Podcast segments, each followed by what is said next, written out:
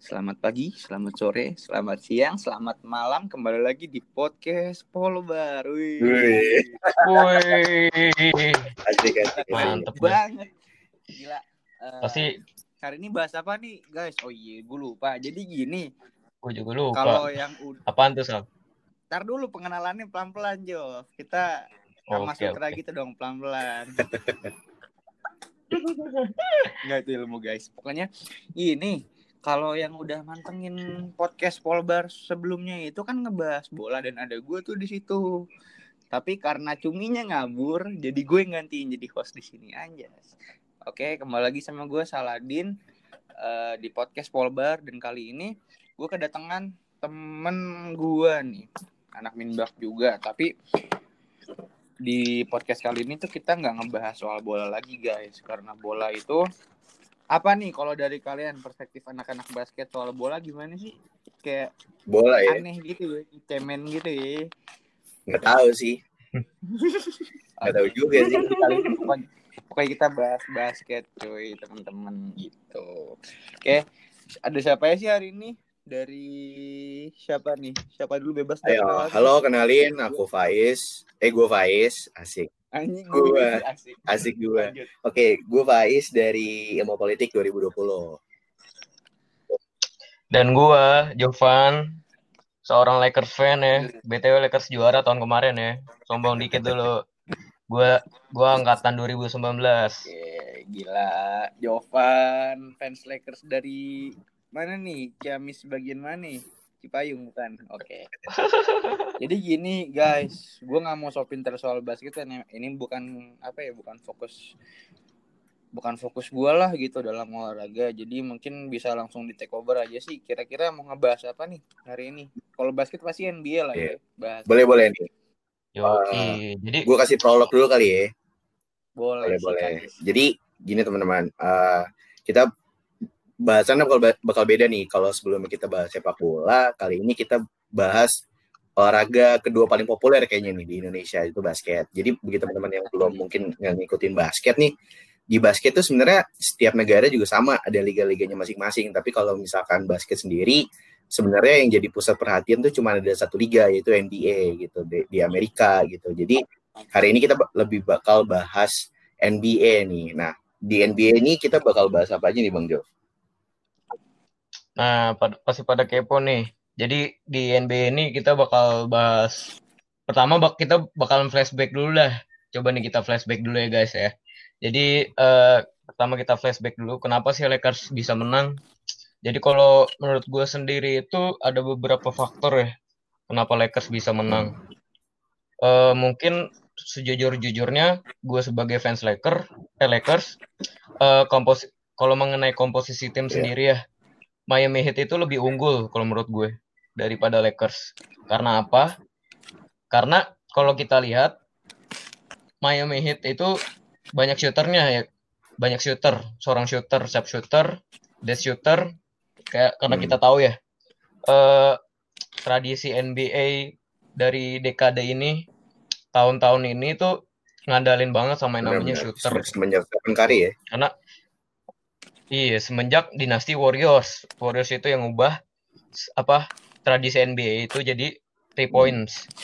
Nah eh Miami Heat ini kalau gue lihat tuh shooternya ada dua tuh yang diandalin kayak Tyler Hero sama Duncan Robinson oke. yang bisa dibilang tuh Duncan Robinson ini shooter paling hebat lah buat tahun ini musim ini.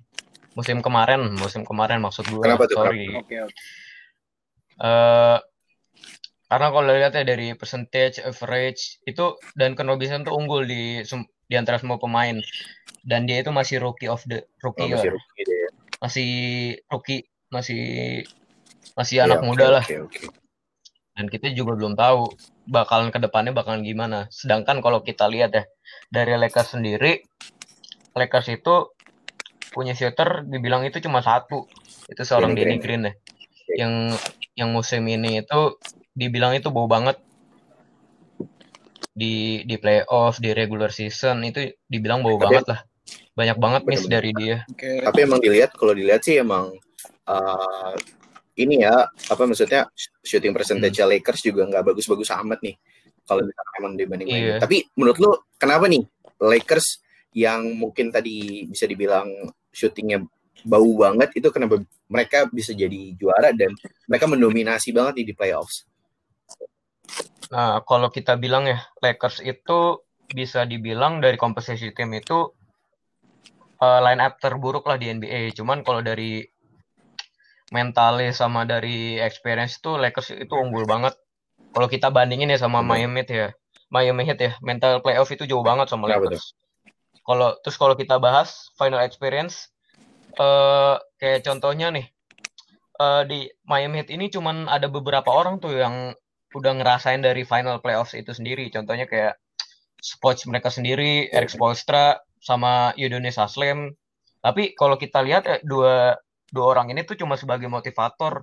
Kayak Haslem ini cuma motivator di bench, sedangkan eh coach coach mereka sendiri, head coach mereka, Eric Spoelstra itu cuma sebagai pembimbing lah Iya. ibaratnya. Sedangkan kalau dari pemain itu cuman Andre Iguodala yang baru pindah tahun ini Hmm. dan dia juga bukan pemain inti atau pemain utama lah di Miami Heat. Sedang nah kalau kita lihat nih di Lakers nih, Lakers jauh banget.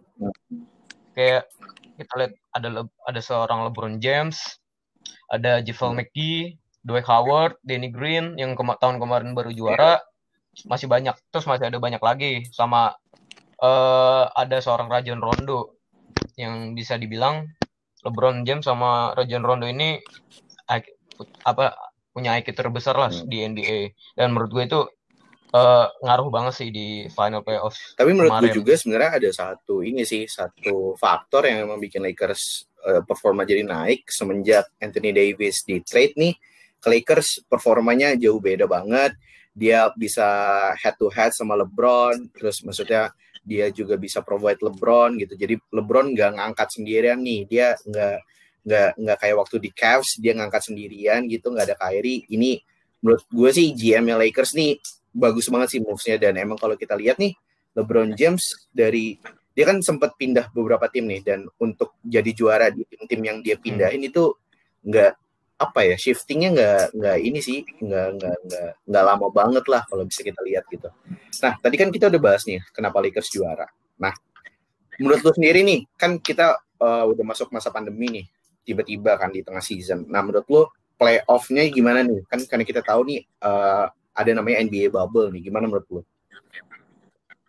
Kalau menurut gue, eh nih sebelum gue jelas NBA bubble ini kayak sebuah per, NBA playoff bubble ini eh sebuah playoff yang di mana dia ada di satu tempat. Jadi sayangnya eh nggak ada home away, jadi nggak ada supporter, nggak ada fans, nggak ada keluarga dari pemain yang ikut buat ngedukung. Jadi sayangnya mungkin menurut gue di situ. Jadi nggak ada atmosfer yang besar Hmm. gitu, nggak ada nggak ada ketegangan yang tinggi Penonton ya. Hmm. buat buat kita contoh sebagai penonton lah. Terus sama kalau kompetitif mungkin sangat kompetitif sih menurut gue. Kalau bisa kita lihat ya pertama kita bahas dari Western Conference boleh. dulu ya. Eh, pertama dari kita lihat eh, Western Conference round, round one mungkin eh, dari sisi Lakers itu mungkin dibilang cukup mudah sih menurut gue karena eh, tiga kali berturut-turut dia eh, ngalahin musuhnya dengan skor Satu. 4-1. Sedangkan dari sisi bawah dari low low range dari West- Western sendiri kan kayak contohnya Denver Iya. Nuggets ya. Yang dua dua kali tuh, dua kali comeback dari 3-1 dan itu tim pertama tuh yang mungkin Denver Nuggets ini bukan tim yang diunggulin sih menurut menurut gue dan menurut publik sendiri. Bukan tim yang contender lah buat menangin playoff, tapi dia ngasih kejutan dengan dua comeback itu, dua kali comeback. Nah, kalau kita bahas Eastern, nah kalau menurut gue di antara Western sama Eastern sih lebih seru Eastern, Eastern ya. Hmm. Karena kalau kita lihat ya dari semifinalnya aja udah seru. Finalnya walaupun emang dari Miami Heat eh, menang dengan skor 4-2 tapi menurut gue itu match paling Paling seru seru sih. ya, paling kompetitif ya. Eh, kompetitif kompetitif banget dari walaupun eh, ada beberapa masalah internal dari Celtics sendiri tapi mereka masih bisa ibaratnya ngimbangin lah. Oke. Oke, eh, paling itu nih kan dari kita udah bahas playoff dan segala macam dan kita tahu nih tahun 2020 nih musim lalu ini benar-benar apa ya istilahnya faktor banget nih uh, kita juga kehilangan salah satu pemain legend kita Kobe Bryant, Rip Kobe dan menurut gue sih uh, menangnya Lakers ini jadi apa ya semacam reward kali ya reward uh, mereka juga hmm. mainnya penuh mungkin penuh hasil gara-gara memang mereka mau ngasih yang terbaik nih buat Kobe dan Lakers sendiri kan kalau nggak salah tuh udah lama nggak juara sejak 2010. Jadi ini ibarat kata satu dekadenya pecah telur Lakers lagi dan sayang aja sih kita nggak bisa lihat ada Kobe di sana gitu. Nah, tadi kita udah flashback nih musim lalu segala macam nih. Nah, mungkin uh, disclaimer dulu kali ini ya buat para pendengar. Tadi kan uh, Bang Saladin bilang kalau kita expert nih, waduh, jangan berat berat. Uh, kita di sini cuman apa ya, ya entusias saja ya. Apa maksudnya kita juga cuman penggemar lah kan. Antusias dari penggila lah. Penggemar kayak jadi kalau bilang expert waduh kayak sulit banget ntar dibilang so tau gimana segala macam. Jadi gitu. Cuma sebenarnya apa ya gue masuk boleh, boleh. kalau soal disclaimer lu gitu kayak apa ya gue gue masuk tipis nih nggak masalah lu sotoy asal mampu aja ngejabarin sesuai sama BFX lagi Oke. Okay. Ya. Anjur, mantap banget emang. Gue apa ya dari tadi tuh gue diem ya karena gue nyimak emang gue nggak ngerti gitu. Cuman kayak kalau fair to fair gue sempat demen basket juga tapi di season terakhir pas Paul George itu Pacer. masih di Pacer. Masih udah di Clippers dia. Dia udah di Clippers. Dia di dia di Paul George udah di Clippers. Uh. Terakhir gue ngikutin itu pas kalau nggak salah semifinal ya dia ketemu ketemu Miami Heat tuh masih ada LeBron James, masih ada siapa? Dwayne Wade. Jauh banget ya. ya. Iya makanya kayak zaman gue SMP pada terakhir terakhir gue ngikutin banget. Terus kayak abis itu kayak tuh Region Rondo masih di Celtics makanya tadi kayak wah kaget cuy gue denger kok bisa ya skuadnya anjir ada ada LeBron terus ada Anthony yeah. Davis gue tahu. Terus kayak tiba-tiba ada Rondo sama LeBron satu squad tuh kayak ah ini berarti kacau. Dan kayak maksudnya ya gue nggak heran lah gitu kayak rezimnya si Golden State Warrior tuh bisa runtuh iya yeah, benar-benar gitu Mungkin uh, ini nih kita oh, mungkin bisa lanjut lagi nih. Kan tadi kita udah bahas nih musim lalu. Nah, buat bahas prediksi musim depan bakal gimana, tentunya pasti kita juga harus bahas nih uh, poin paling penting nih dari kita bagaimana kita tahu peta peta kekuatannya lah ibarat kata gitu. Nah, jadi kita akan bahas trade player karena emang sekarang nih lagi masa-masanya bursa lagi dibuka bursa transfer nih. Jadi banyak pemain-pemain bintang yang memang pindah-pindah tim dan bak bakal bikin kaget lagi sih karena perpindahan timnya emang emang berubah banget gitu petanya. Nah, mungkin uh, soalnya nih Bang Jov, ada apa aja nih uh, pemain-pemain atau rumor-rumor apa aja nih? Hmm, kalau dari rumor-rumor uh, banyak banget sih buat dari sorotan bintang-bintang besar superstar. Uh, tapi yang paling sorotan dari publik nih uh, disorot dari sebelum season berakhir, sebelum playoff berakhir sampai sekarang itu seorang Giannis Antetokounmpo, superstar dari Bucks, yang katanya kalau playoff tahun ini dia nggak menang, dia bakal mau pindah. Ada kemungkinan hmm. kayak begitu dan kemungkinan tim yang bakal dia datengin sih antara GSW atau enggak Sixers. Itu kemungkinan besarnya. Cuman ada pernyataan dari Giannis sendiri dia nggak mau pindah. dan dari Bucks itu juga sampai sekarang ada beberapa uh, usaha dari mereka buat ngedatengin pemain-pemain yang yakinin yakinin Giannis buat tetap stay. Kayak contohnya tuh uh, Jiro Holiday yang seorang point guard yang dari defense-nya itu merupakan top lah hmm, dari jajaran dia jadi top. Ya. Bahkan dia masuk ke all defensive first first defensive team di musim okay, kemarin. Sama ini sih sharp, sharp shooter sharp shooter dari Sacramento hmm. Kings uh, Bogdan Bodak Bogdanovic. Pindah Hmm, pindah yang sharp shooter lumayan lah buat seorang pemain muda. Uh, Dan kalau mungkin pemain selanjutnya ada ini sih yang menarik buat gue sih. Uh, mungkin nih pemain kalau emang benar-benar masuk tuh tim, mungkin menurut gue bakal jadi superstar. Super Eh, team super ya. team dulu ya. Eh, Siapa tuh siapa? eh, kepo kan? Eh, ini J- James Harden.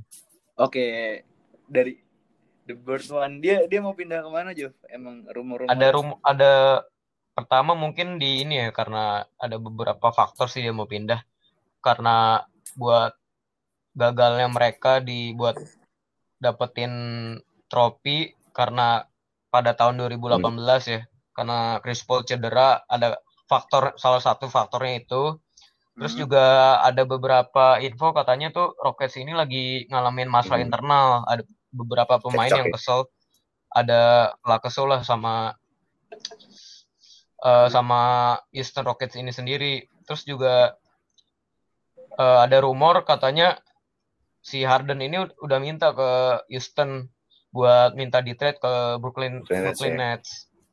Terus eh, cuman kita masih belum tahu juga sih. Eh kata kabarnya si Houston Rockets ini masih mau buat mempertahankan si Hmm. Harden ini. Dan nih gua jujur sih gua kaget banget sih ngedenger ketika dia nolak eh perpanjangan kontrak itu. gitu. Dan kontraknya itu iya, itu 103 juta buat dua musim. Itu kontrak terbesar sepanjang sejarah NBA. Jujur Gua gue saat- kecewa loh dengernya Jo. Denger Harden rumornya mau pindah tuh apalagi ke, ke Nets kayak. Maksudnya gue pun aja yang nggak ngikutin basket kayak gue tahu dia ikonnya kayak dia kayak apa ya salah satu pemain yang ikonik lah di Houston Rockets dan Iya, emang dia ikonnya gitu loyal banget. Cuman gue tadi mau highlight dikit Jov gue kaget loh soalnya kayak gue emang gak ngikutin NBA tapi gue ya gue suka lah nonton highlightnya dikit tipis-tipis gitu. Gue tahu Giannis tuh se OP itu dan kenapa pindahnya ke eh, Sixers? Lucu sih kalau ke GSW gue masih make sense lah gitu kan ya. Hmm. kayak misalkan eh, kayak, kayak misalkan Steph Curry butuh partner mungkin ya, yang emang buat ngambil alih lagi rezimnya Lakers di tahun di, di season besok tapi kenapa Sixers Jov sebenarnya Eh, mungkin kalau dilihat dari ini ya, cap space ya dari si si- Sixers sendiri kan dia masih ada cap space buat ngedatengin pemain kayak superstar sekelas Giannis. Terus juga mungkin dari dari head coach baru mereka dari komposisi tim juga lumayan mendukung sih. Terus jadi buat ini sih Sixers ini kan salah satu termasuk di tim East Eastern Conference yang termasuk contender lah termasuk tim yang diunggul diunggulin. Cuman eh, sayang banget sih buat musim kemarin karena seorang Ben Simmons cedera, jadi dia nggak bisa ikut playoff. Full full pertandingan dia nggak bisa ikut playoff. Eh terus eh Sixers ini kan bisa dibilang salah satu tim yang defensif overall itu bagus dari Ben Simmons, dari Joel Embiid juga bagus banget defense-nya. Bisa diunggulin termasuk tim unggulan lah. Jadi eh jadi kenapa sih eh, Giannis ini bisa masuk ke Sixers karena kan kita tahu ya Giannis ini kan masuk ke eh, all first team defensive di NBA ya. Sama Hmm. masuk ke sama dia dia kan dapat nominasi defensive player of the year of the year. Nah, salah itu menurut gue faktornya. Tapi kalau buat masuk ke GSW mungkin faktor ini faktor terbesarnya mungkin karena dinasti di- dari penga, dinas, pengaruh dinasti Warriors itu sendiri sih. Karena kita tahu ya Warriors itu salah satu dinasti yang terbesar, Beruntut salah ya. satu Ya benar. dari eh, selain dari dinasti Chicago Hmm. Chicago Bulls, Miami Heat, terus juga eh, Lakers yang pas dekade 2000-an. Tadi Mm-mm. oh benar-benar. ya basic lah ya anak-anak apa ya kelahiran 2000 2000-an ke atas lah gitu pasti kalau yang demen basket mostly ya gue bilang kayak mostly mereka fansnya Pasti. GSW nggak sih Iya. kayak kayaknya itu. lah gitu kayak Bocah-bocah. sebenarnya kayak mm, kayak gue sih apa ya maksudnya gue sebagai orang gue fans bola nih yang gak tahu apa-apaan soal basket gue ngeliat kayak tai fans GSW itu siapa pun lu ikut doang nggak sih ke sana gitu ya cuma ya gue nggak bisa nggak bisa judgmental ke mereka juga Iya. biarpun kalau mau ngatain sih mau banget ngatain gue biarpun gue gak ngerti basket gitu kan ya Emang emang GSW kalau dibilang menurut gue ya tim nggak tahu diri sih menurut gue. Da- kayak contoh musim lalu dari starting five-nya itu all star semua. All Star. Itu udah gila. Cuman saya Soalnya eh, gue tuh sayang banget hati, Jov, sebenarnya. kenapa tuh? Kayak apa ya? Satu persatu tuh superstarnya dicomotin dan yang paling gue bikin geram tuh apa? Dulu tuh gue sempet ngefans sama ini Oklahoma City Thunder. Hmm. Pas itu eh, Sama KD. duetnya Westbrook, Russell Westbrook sama Iya. Kevin apa? Kevin Durant. Eh, Terus pas gue liat, anjir. Kevin Durant gue dicomot anjing gua gua kesel banget itu parah. Hmm. Ya, cuman ya mereka achieve something sih emang ya. Back to back mereka ya kalau nggak salah. Sempet kan? sempet sempet. iya. Terus gue juga ada highlight nih. Tadi kan kita udah sempet nyinggung Brooklyn nih. James Harden kayak condong banget ke Brooklyn. Ini mungkin bagi yang belum tahu nih di Brooklyn Nets sebenarnya dia nggak masuk playoffs nih musim lalu, tapi dia punya pemain nih gila banget sih. Dia punya Kyrie Irving sama Kevin Durant nih.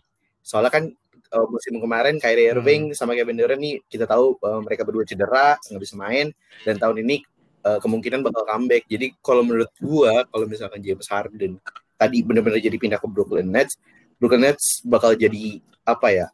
Kayak super tim baru lah. Ya di lah. kedua lah. Kan kalau Iya. kalau kita lihat Iya. Kayak bakalan jadi kalau kita lihat nih dari coaching staffnya sendiri, pelatihnya itu eh, ada namanya Steve Nash itu baru dia itu Steve Nash ini sempat jadi point guard Kobe Bryant juga, terus dia juga udah sempat ngelatih GSW, itu ngelatih GSW itu ngelatih eh, shootingnya dan emang bagus banget. Sekarang dia bakal jadi head coach. Dan yang menarik lagi asisten coachnya itu Mike D'Antoni. Jadi Mike D'Antoni ini bagi yang belum tahu dia ini sempat eh, lama jadi pelatihnya di Houston Rockets dan sempat jadi uh, coach of the year nih. Jadi ngeri banget nih dari coaching staffnya, dari uh, line up pemainnya. Walaupun emang kita tahu uh, lini dua dari Brooklyn Nets, Brooklyn Nets belum datangin siapa-siapa lagi buat lini duanya, tapi ini udah bakal jadi ngeri banget sih gitu. Terus ada apa lagi? Lanjut. Iya. Tuh sama ini sih yang buat sorotan ini emang udah terjadi sih trade-nya sih kayak Chris Paul kan udah di trade ke Phoenix Oh, iya. Suns ya. Dia jadi Oklahoma Thunder dapat beberapa pemain kayak Ricky Rubio, Hmm. Cole Aubrey, terus juga dapat second round pick lah. Eh, dan menurut gue itu sayang banget sih kalau Chris Paul dipindah ke Suns walaupun emang Suns itu Benar. banyak pemain muda, tapi dibilang bukan salah satu tim unggulan Iya. dari mungkin dari komposisi tim lah dari dari superstar mereka ya kayak Devin Booker, Dean- DeAndre Ayton mungkin belum seorang mereka itu pemain yang belum mencapai puncak lah iba- ibaratnya kayak ketika seorang LeBron James yang udah mencapai puncaknya dia di tahun udah dua tahun doang sih menurut gue dari 2003 sampai 2005 dia itu udah menurut gue udah sampai puncaknya dia sih sampai seterusnya tahun-tahun Hmm. seterusnya Oke. dan dia terus berkembang terus eh, sama ini sih mungkin Westbrook sih Russell Westbrook yang rumornya dia bakalan dipindah ke tim East tim Eastern. Karena yang kita tahu ya kalau di Houston Rockets ini kan eh, Wa- Westbrook ini kan ada katanya ada kelah Kalau keluh kesah ya. Dia tuh nggak suka nggak happy gitu. Karena dari kita lihat dari individu Westbrook sendiri dia dia tuh orang yang gila spotlight orang yang gila eh skor orang yang gila stat one man show ya. dia ibaratnya pengen dia pengen jadi sorotan. Jadi menurut gua kalau tim yang cocok buat Westbrook ini kayak tim tim yang nggak ada superstarnya lah. Jadi jadi buat Russell Westbrook ini sendiri dia jadi superstar gitu. Di tim itu sendiri kayak contohnya kayak yang katanya potensial tim potensialnya itu kayak New York Knicks sama Ya, Charlotte ya, ya. Hornets sih. Terus sama ini sih eh tra Demar Derozan sih yang katanya Pindah ada peluang eh, peluang mau ke Lakers. Cuman menurut gue sih nggak cocok sih kalau DeRozan pindah ke Lakers. Karena yang dibutuhin sama Lakers ini untuk saat itu Hmm. untuk saat ini itu eh, seorang shooter sama seorang scorer. Nah itu yang gue lihat musim kemarin. Kayak contoh eh Danny Green Iya. udah di- dipindah nih. Udah tuker sama Benar, Dennis Schroeder. Nggak ada shooter. Shooternya nggak ada kayak siap shooter. Eh kalau misalnya DeRozan dimasukin menurut gue itu rugi banget sih buat Lakers karena Lakers kan juga bakal ngasih kayak contohnya salah shooter ibaratnya shooter yang bukan nggak bisa nggak ya. diandalin lah Benar-benar. kayak Kentavius eh bukan pure shooter kayak Kentavius terus kayak Kyle Kuzma seorang pemain muda Tapi menarik nih, eh, Iya, karena menarik kita tahu juga menarik nih Bang. Soalnya Apa tadi kan lu uh, sempat singgung Dennis Schroeder nih, dia pindah ke Lakers exchange sama Danny Green kan. Menarik banget soalnya kan kita Ah. tahu kalau nggak salah tuh Rajon Rondo kan dia udah nggak perpanjang kontrak lagi kan. Dia udah nggak mau perpanjang kontrak lagi kan Hmm, otomatis nih uh, Lakers nih kehilangan point guard nih. Nah menurut lu walaupun emang Dennis Schroeder nih gimana nih komposisi mainnya? Apakah dia benar-benar emang murni shooter yang tadi lu bisa tadi lu bilang bisa bantu tim? Apa emang dia uh, cuman kayak point guard biasa dan dan nggak ngaruh apa-apa gitu ke tim? Menurut lu gimana nih Dennis Schroeder? eh kalau menurut gue Lakers itu butuhnya yang kayak tadi gue udah bilang nih shooter sama seorang scorer itu dua dua posisi itu yang bu- dibutuhin banget sama Lakers karena kalau so, kalau point guard ini mungkin menurut gue Lakers ini punya Hmm. seorang LeBron James ya dia itu pemain all rounder Benar.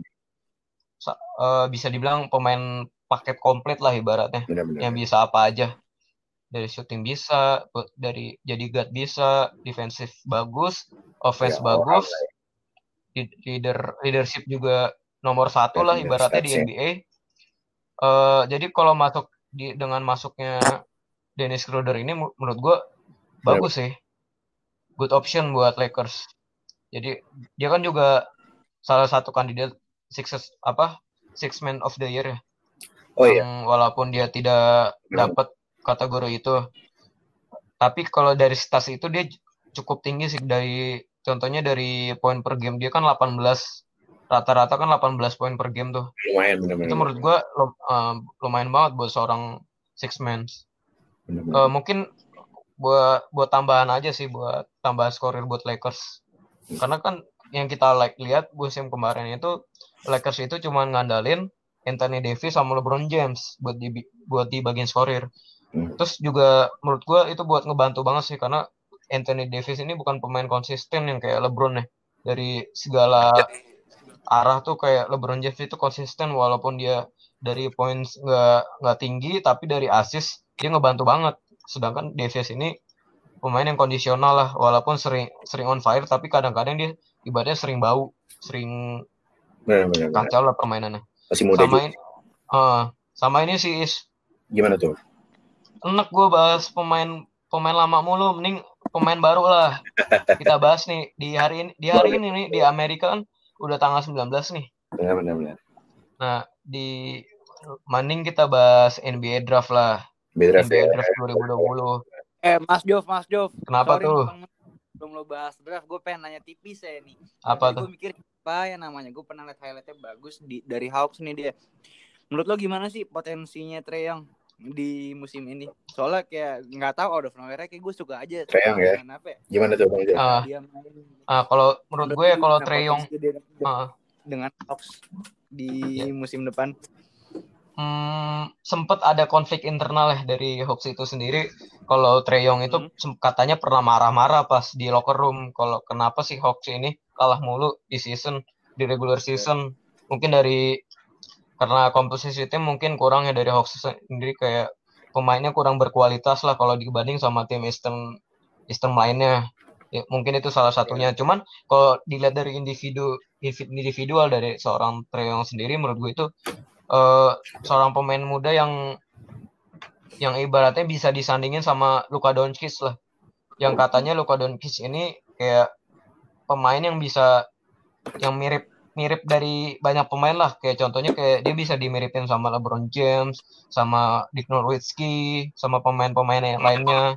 Menurut gue itu Trae Young itu eh, calon superstars di NBA ke depannya. Cuman disayangnya dia masuk ke tim yang salah menurut gue itu. Gue sepakat sih sama lo. Hmm. Soalnya gue ngeliat juga kayak apa ya, secara personal pun aja gue ngeliat Trae Young tuh potensial anjir kalau dia Iya. Benar-benar. andai ya, join Celtic gitu mungkin yang emang lebih dipandang juga nggak sih Benar-benar. Iya. at least lah atau mungkin kayak dia nggak tahu sih kayak gue kalau boleh ngimpi kayak dia masuk Nets aja anjing Tambah gila Nets aja.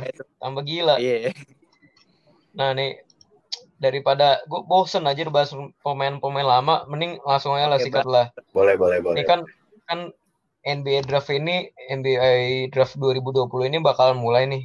Kalau di Indo kan mulainya besok. Kalau di Amerika kan ha- hari ini kan udah tanggal 19 ya. Benar, benar. Jadi eh, ada tiga tim teratas kayak Timberwolves, terus yang kedua itu GSW, Golden State Warriors, sama yang ketiga Charlotte Hornets. Kan it- itu kan tiga tim apa top 3 pick ya. Iya, first Nah, one. menurut lu gimana lu, Is? menurut gue ya. Iya. Sebenarnya Iya. eh, kalau gue sih emang tadi disclaimer juga kita record ini tuh sebenarnya besoknya ini jam 8 pagi tuh bakal ada eh, draft pick di sana. Jadi kita nggak tahu nih eh, tadi tim Wolves tuh bakal milih apa dan segala macam gitu. Jadi memang masih misteri tapi gue bakal mungkin bahas dari empat pemain yang emang banyak dibahas nih sama eh, kayak ESPN, House of Violet, emang yang emang udah jadi apa ya favorit lah gitu. Yang pertama tuh uh, ada namanya Lamelo Ball. Lamelo Ball ini dia itu kalau misalkan tahu ada namanya Lonzo Ball, dia ini adiknya nih.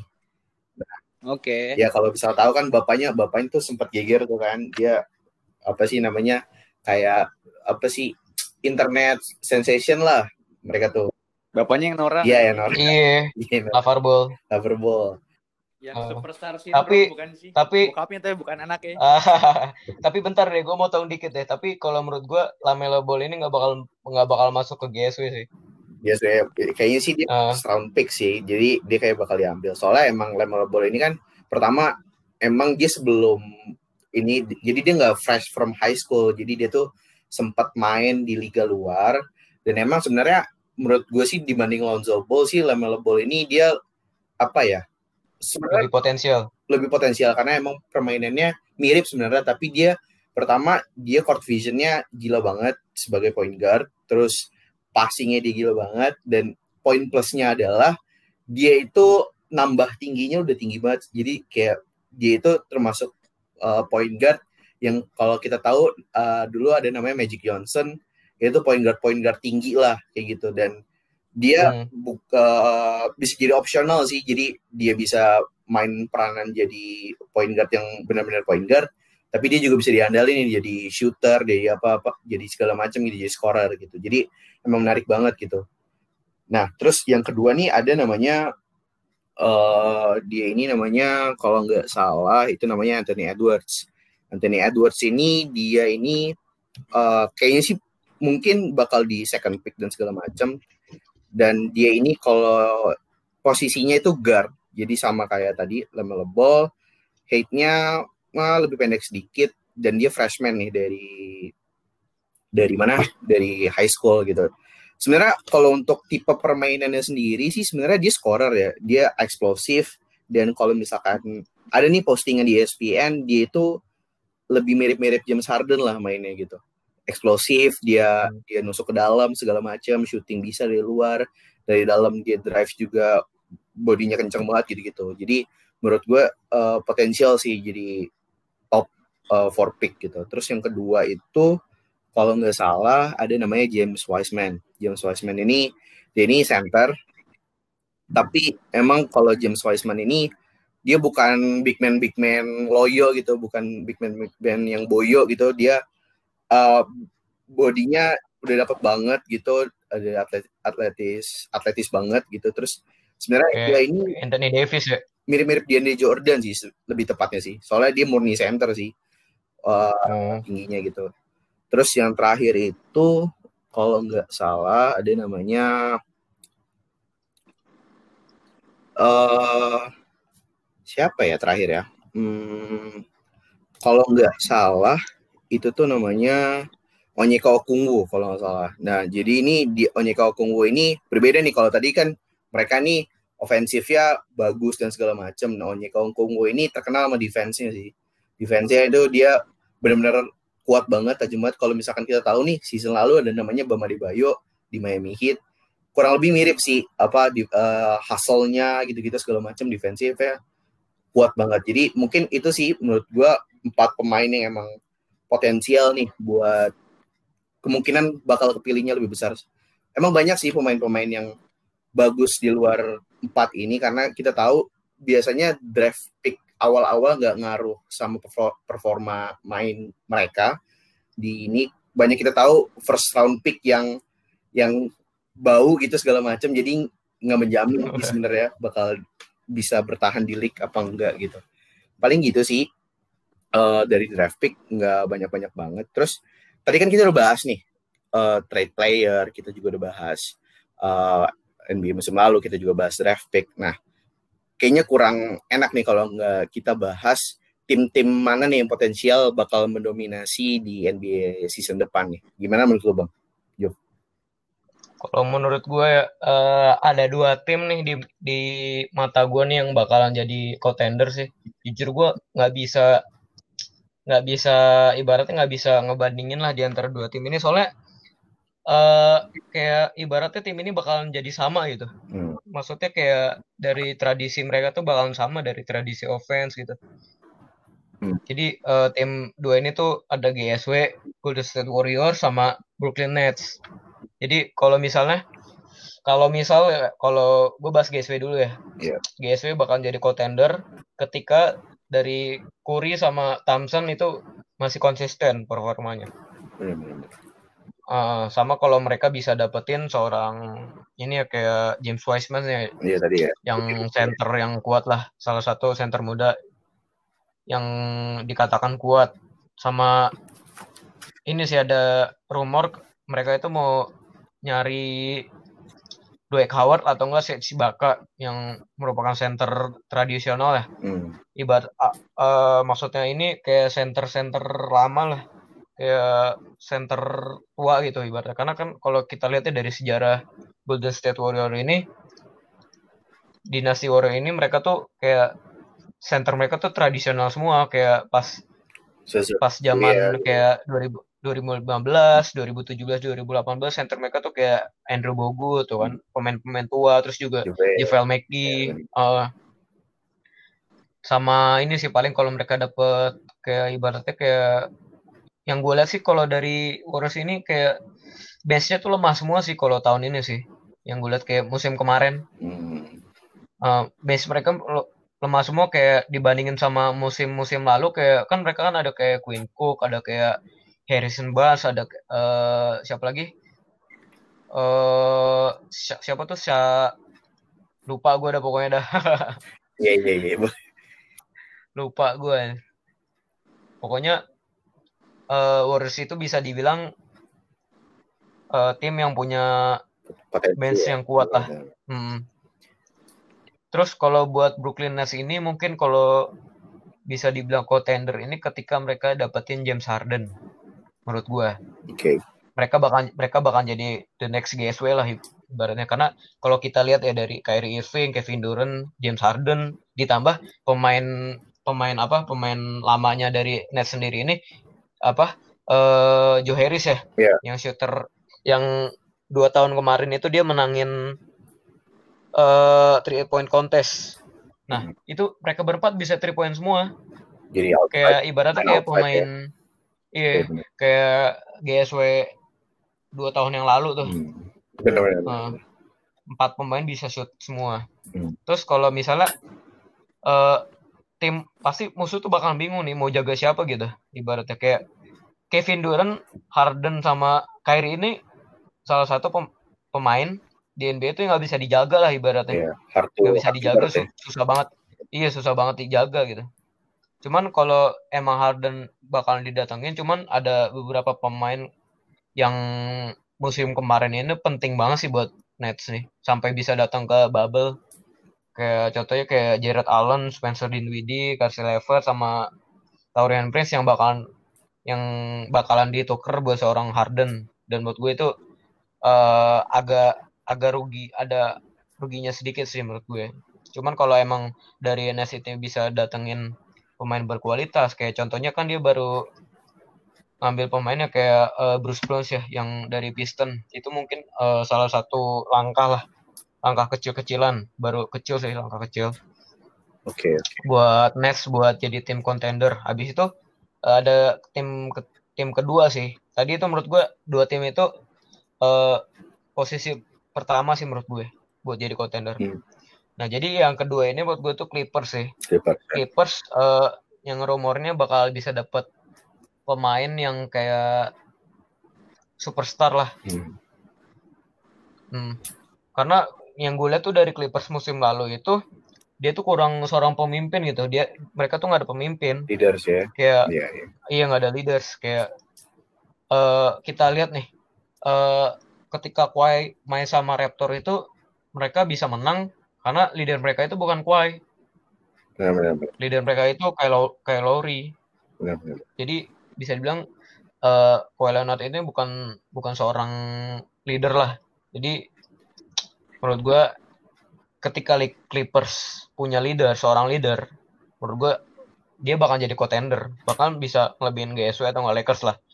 Eh karena kalau kita lihatnya dari Oke, oke. komposisi tim Clippers sendiri, mereka itu punya tim yang defense-nya bagus banget dari Kawhi, dari Kawhi, dari Paul George, dari Montrezl Harrell sama eh, Patrick Beverly. Itu empat pemain itu bisa dibilang itu eh pemain yang defensif dengan kualitas yang tinggi lah ibaratnya. Hmm. Sama dari kalau kita lihat ya dari segi skorer ya. Eh kalau pemain skorer Clippers itu bi- bisa dibilang eh, tim dengan pemain skorer yang paling banyak. Kayak contoh ada Kawhi Leonard, ada Paul George, ada Low Williams, ada Montrezl Harrell, ada Marcus Morris, ada Low Williams. itu Rata ya, rata. jadi dari enam pemain itu iya skorer semua itu rata-rata dari poin per gamenya aja buat dari eh, di atas 20 poin per game itu gila banget menurut gue Hmm. Nah, apalagi dari superstar mereka nah jadi menurut gue itu sih kalau misalnya Clippers bisa dapetin seorang pemimpin seorang leader nah kalau menurut lu gimana. Is tim yang bakal jadi contender tuh buat musim depan Kalau menurut gue sih sebenarnya kita nggak bisa nyampingin yang baru jadi juara nih Lakers. Soalnya mungkin kalau misalkan kita lihat kenapa tim-tim itu nggak establish eh, misalkan habis jadi, ju- jadi juara kayak Raptors, mereka tahun depannya anjep nih. Sebenarnya emang karena komposisi pemainnya nggak tetap. Mereka kan jadi juara karena emang eh, komposisi pemainnya udah eh, ideal dan segala macam. Nah, Lakers ini superstarnya nggak pindah. Pertama LeBron James, uh, dia udah dapat empat ring, uh, udah nggak ada yang doubtful lagi sama dia, dia udah legowo lah istilahnya gitu. Jadi Hmm. mulai lebih mainnya lebih relax lagi gitu. Dan kita lihat uh, masih ada Anthony Davis gitu. Anthony Davis juga walaupun uh, mungkin kadang masih kurang konsisten segala macam, menurut gue dia bakal jadi ini banget sih, maksudnya masa depan banget gitu lah. Terus kita lihat juga dari coaching staffnya juga nggak berubah, terus kita lihat dari komposisi pemainnya nggak jauh berubah sih. Jadi lah, kayaknya sih kalau misalkan dilihat dari itunya mereka masih bisa layak buat ya barangkali mereka bisa back to back lah. Mungkin gitu sih kalau gue lihatnya. Nah, dari mungkin Bang Saladin sendiri nih ngelihatnya dari tadi gimana nih? Kita kan udah bahas segala Hmm. macem. Menurut lu gimana, Bang? Lo coba tebak menurut lo yang jadi contender dari apa ya dari nggak tahu sih ini opini subjektif gue gitu yang menurut gue nggak tahu ya gue gue suka asal ceplos tapi kayak biasanya nih yang gue omongin kayak kejadian tiba-tiba kayak dia masuk final Boleh, boleh, kayak boleh. Siapa tuh? nggak tahu kan Siapa tuh? nggak tahu feeling gue sih tahun-tahun besok tuh tahunnya Clippers Clippers ya. dia bakal ngasih kejutan kayak nggak tahu sih gue udah gue nggak udah nggak ngikutin NBA lama cuman kayak gue ngeliat juga rosternya nih. Gue sambil browsing guys. Kayak Oke. gue udah ngeliat apa ya? Ada Kawhi Leonard ada Paul George dan ada Isaiah Thomas. Kayak hmm boleh lah. Tahun besok gue nggak tahu ya kayak nggak tahu gue nunggu aja sih. Kayak LA itu nggak selalu Lakers anjing. Kita punya Ya, Clippers ya. yang iya. apa lu jawab? Nah. iya kok gue Clippers ya, sih. lu megang Clippers ya. Iya, Kita bisa lihat nih ntar tahun depan gimana. boleh Eh, tadi kita udah bahas nih eh, segala macamnya, tapi sebelum kita ke konklusinya musim depan bakal kayak gimana, eh, pertama gue mau ngingetin nih buat para pendengar-pendengar podcast Polbar nih.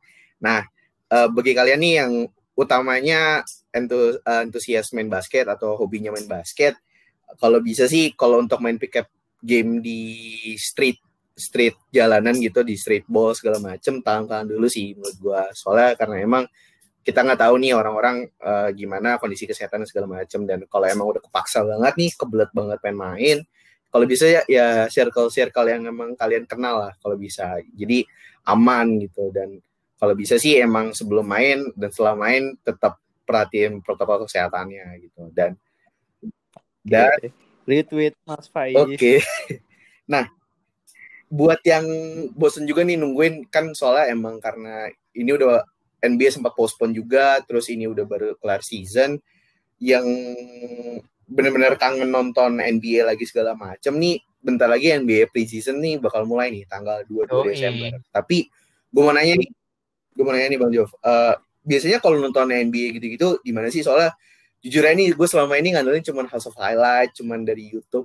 Kayak gitu ada link-linknya nggak sih sebenarnya? Sebenarnya ada kalau kayak app stream streaming buat kayak gitu ya. Cuman ada yang berbayar itu kayak NBA League Pass itu berbayar.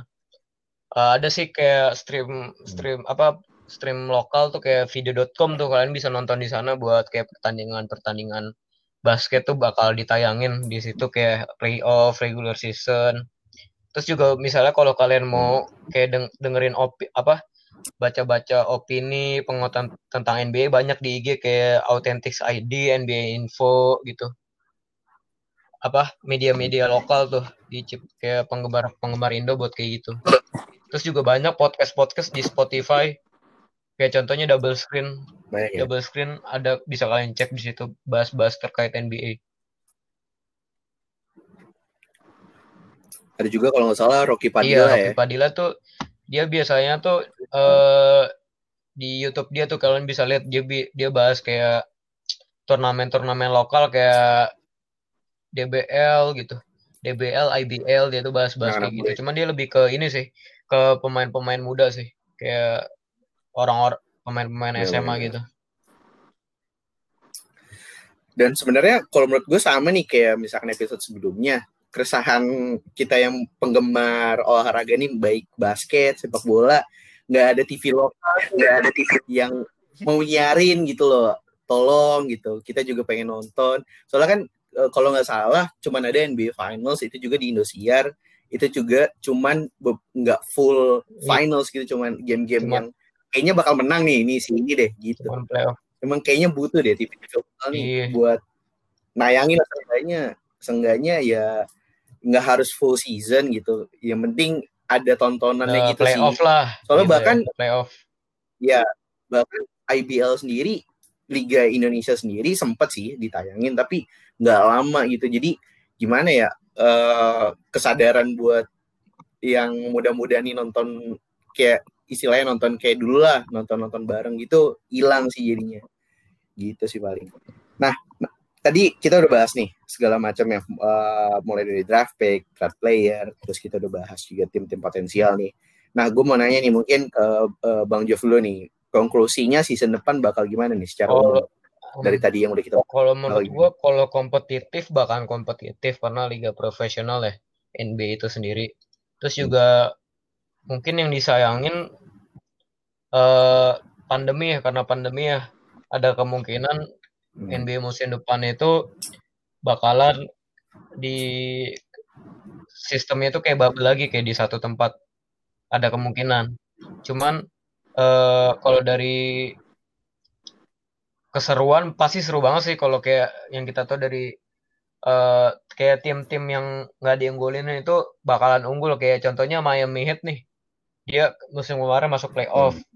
dan menurut gua Miami Heat ini bakal konsisten lagi dan gua harap buat NBA musim ini uh, player-playernya bakalan tetap sehat bakal uh, aman lah pokoknya sama tetap konsisten okay. biar biar seru banget nih NBA. Oke. Okay. Kalau dari Bang Saladin mungkin gimana nih Bang? Kalau lu ngeliat ini? Apa ya? Gue gue nyimak lu berdua tadi sih, tapi kalau menurut gue tuh ya season besok ya anjing kayak ngerti gue.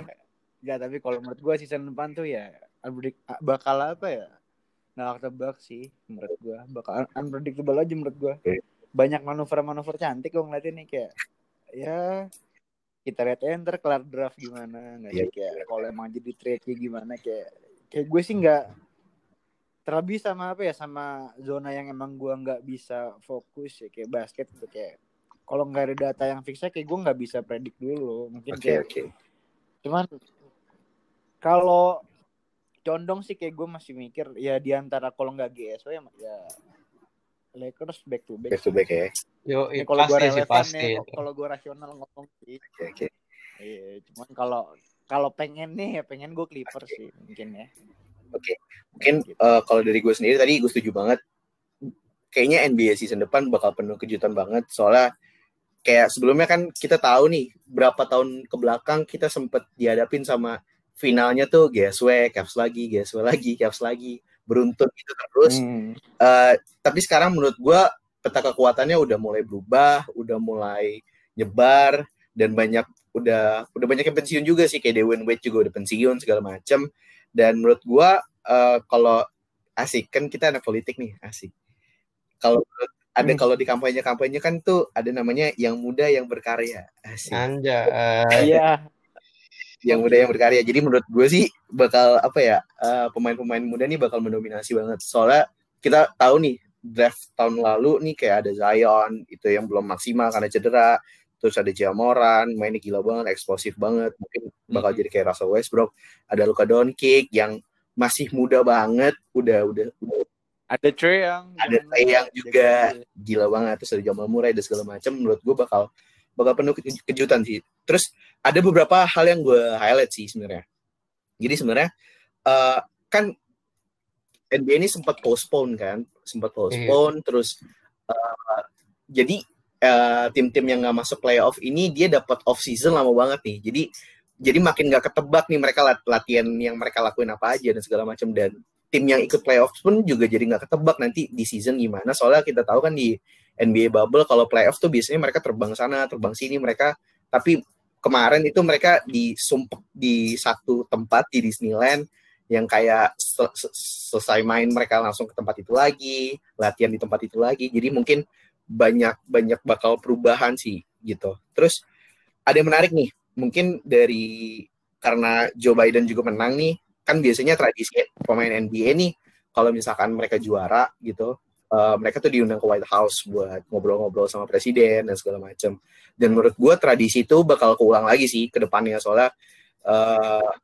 udah yang pemain paling senior lah ibarat kata di NBA James, eh, LeBron James juga udah membuka diri bakal mereka mau ke White House lagi. Dan menurut gue bakal jadi ya jadi lebih menarik lah eh, seasonnya gitu. Dan dan itu mungkin tadi konklusi dari kita juga itu juga menjadi kalau kata MC itu kita ber- sudah berada di penghujung acara asik Oke. Eh eh eh tipis-tipis. boleh tipis, boleh tipis. boleh silakan Apa tuh?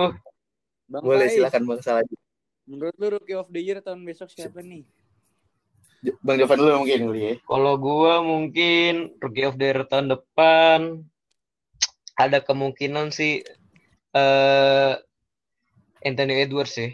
Karena dia jujur sih dia paling disorot sih buat di media-media NBA, eh media-media basket luar.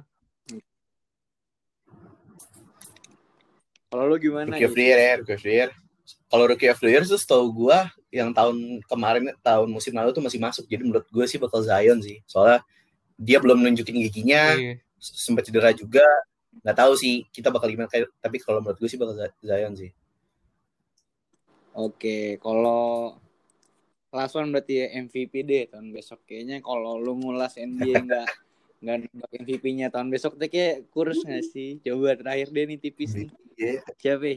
Kalau MVP tahun depan mungkin menurut gue gue lebih prefer ke ini sih. Doncic sih. Kalau dia konsisten ya kayak contoh pas musim musim lalu kan dia dari awal itu udah on fire banget. Udah kayak dari Hmm. stats point per gamenya aja udah 30 berapa dari berapa game tuh. Itu buat seorang pemain muda itu gila banget. Jadi calonin gue itu sih. Sama ini sih dari idola gue LeBron James anjay. Gue gue pengen banget dia, tua. Eh tapi musim lalu dia kan salah satu ini, cuman kampret emang NBA.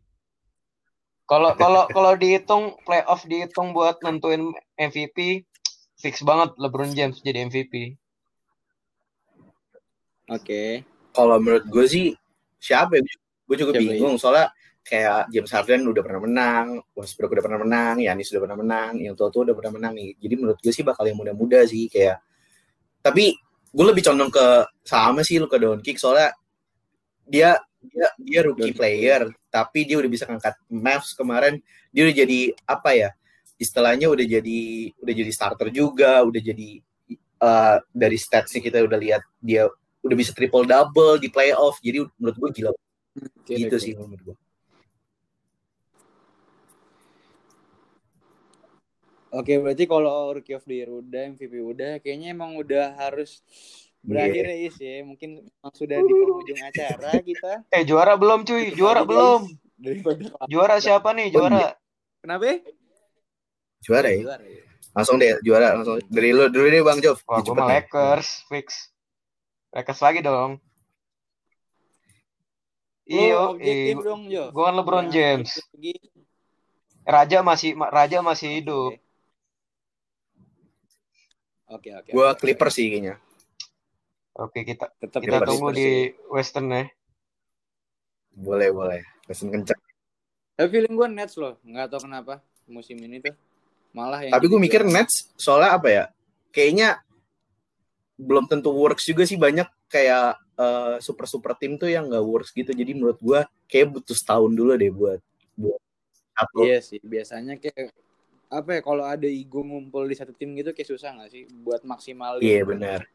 Apa ya? Egonya ya. Gitu cuma cuman gue nunggu aja sih sebenarnya kayak gue bosan ngeliat kayak dominasi dari Lakers kok enggak? Yes we gue butuh tim-tim baru gitu yang bikin gue interest sama NBA lagi. Soalnya kayak menurut gue udah monoton banget Iya sih, sih Jov last time gue gue ngikutin NBA karena jujur gue gue sempat jadi fanboy LeBron juga pas dia masih di Miami Heat ya. Cuman ya apa ya cuman ini salah satu kritik gue terhadap NBA dan NBA player kayak gue butuh pemain yang loyal kadang sih yang gak main oriented dan kadang nggak ngelihat apa ya nggak nggak ngelihat soal potensi doang kalau dia bisa juara sama tim mana Bener. gitu loh. Somehow kayak gue kenapa pada akhirnya gue kembali ke bola lagi dan gue nggak terjun ke basket sebagai fans ya karena itu dia. Gue nggak menemukan kayak dulu ada Hmm, iya benar. Sekarang nggak ada lagi Benar, gitu loh. Ya begitulah gitu kira-kira. Oke. Is. Karena kita udah bahas semua segala macam gue mau ucapin nih terima kasih kepada yang udah dengerin selama satu episode ini full gitu. Jadi terima Thanks, kasih buat guys. kalian semua. Dan sampai ketemu di episode-episode selanjutnya. Thank you. Dadah. Dadah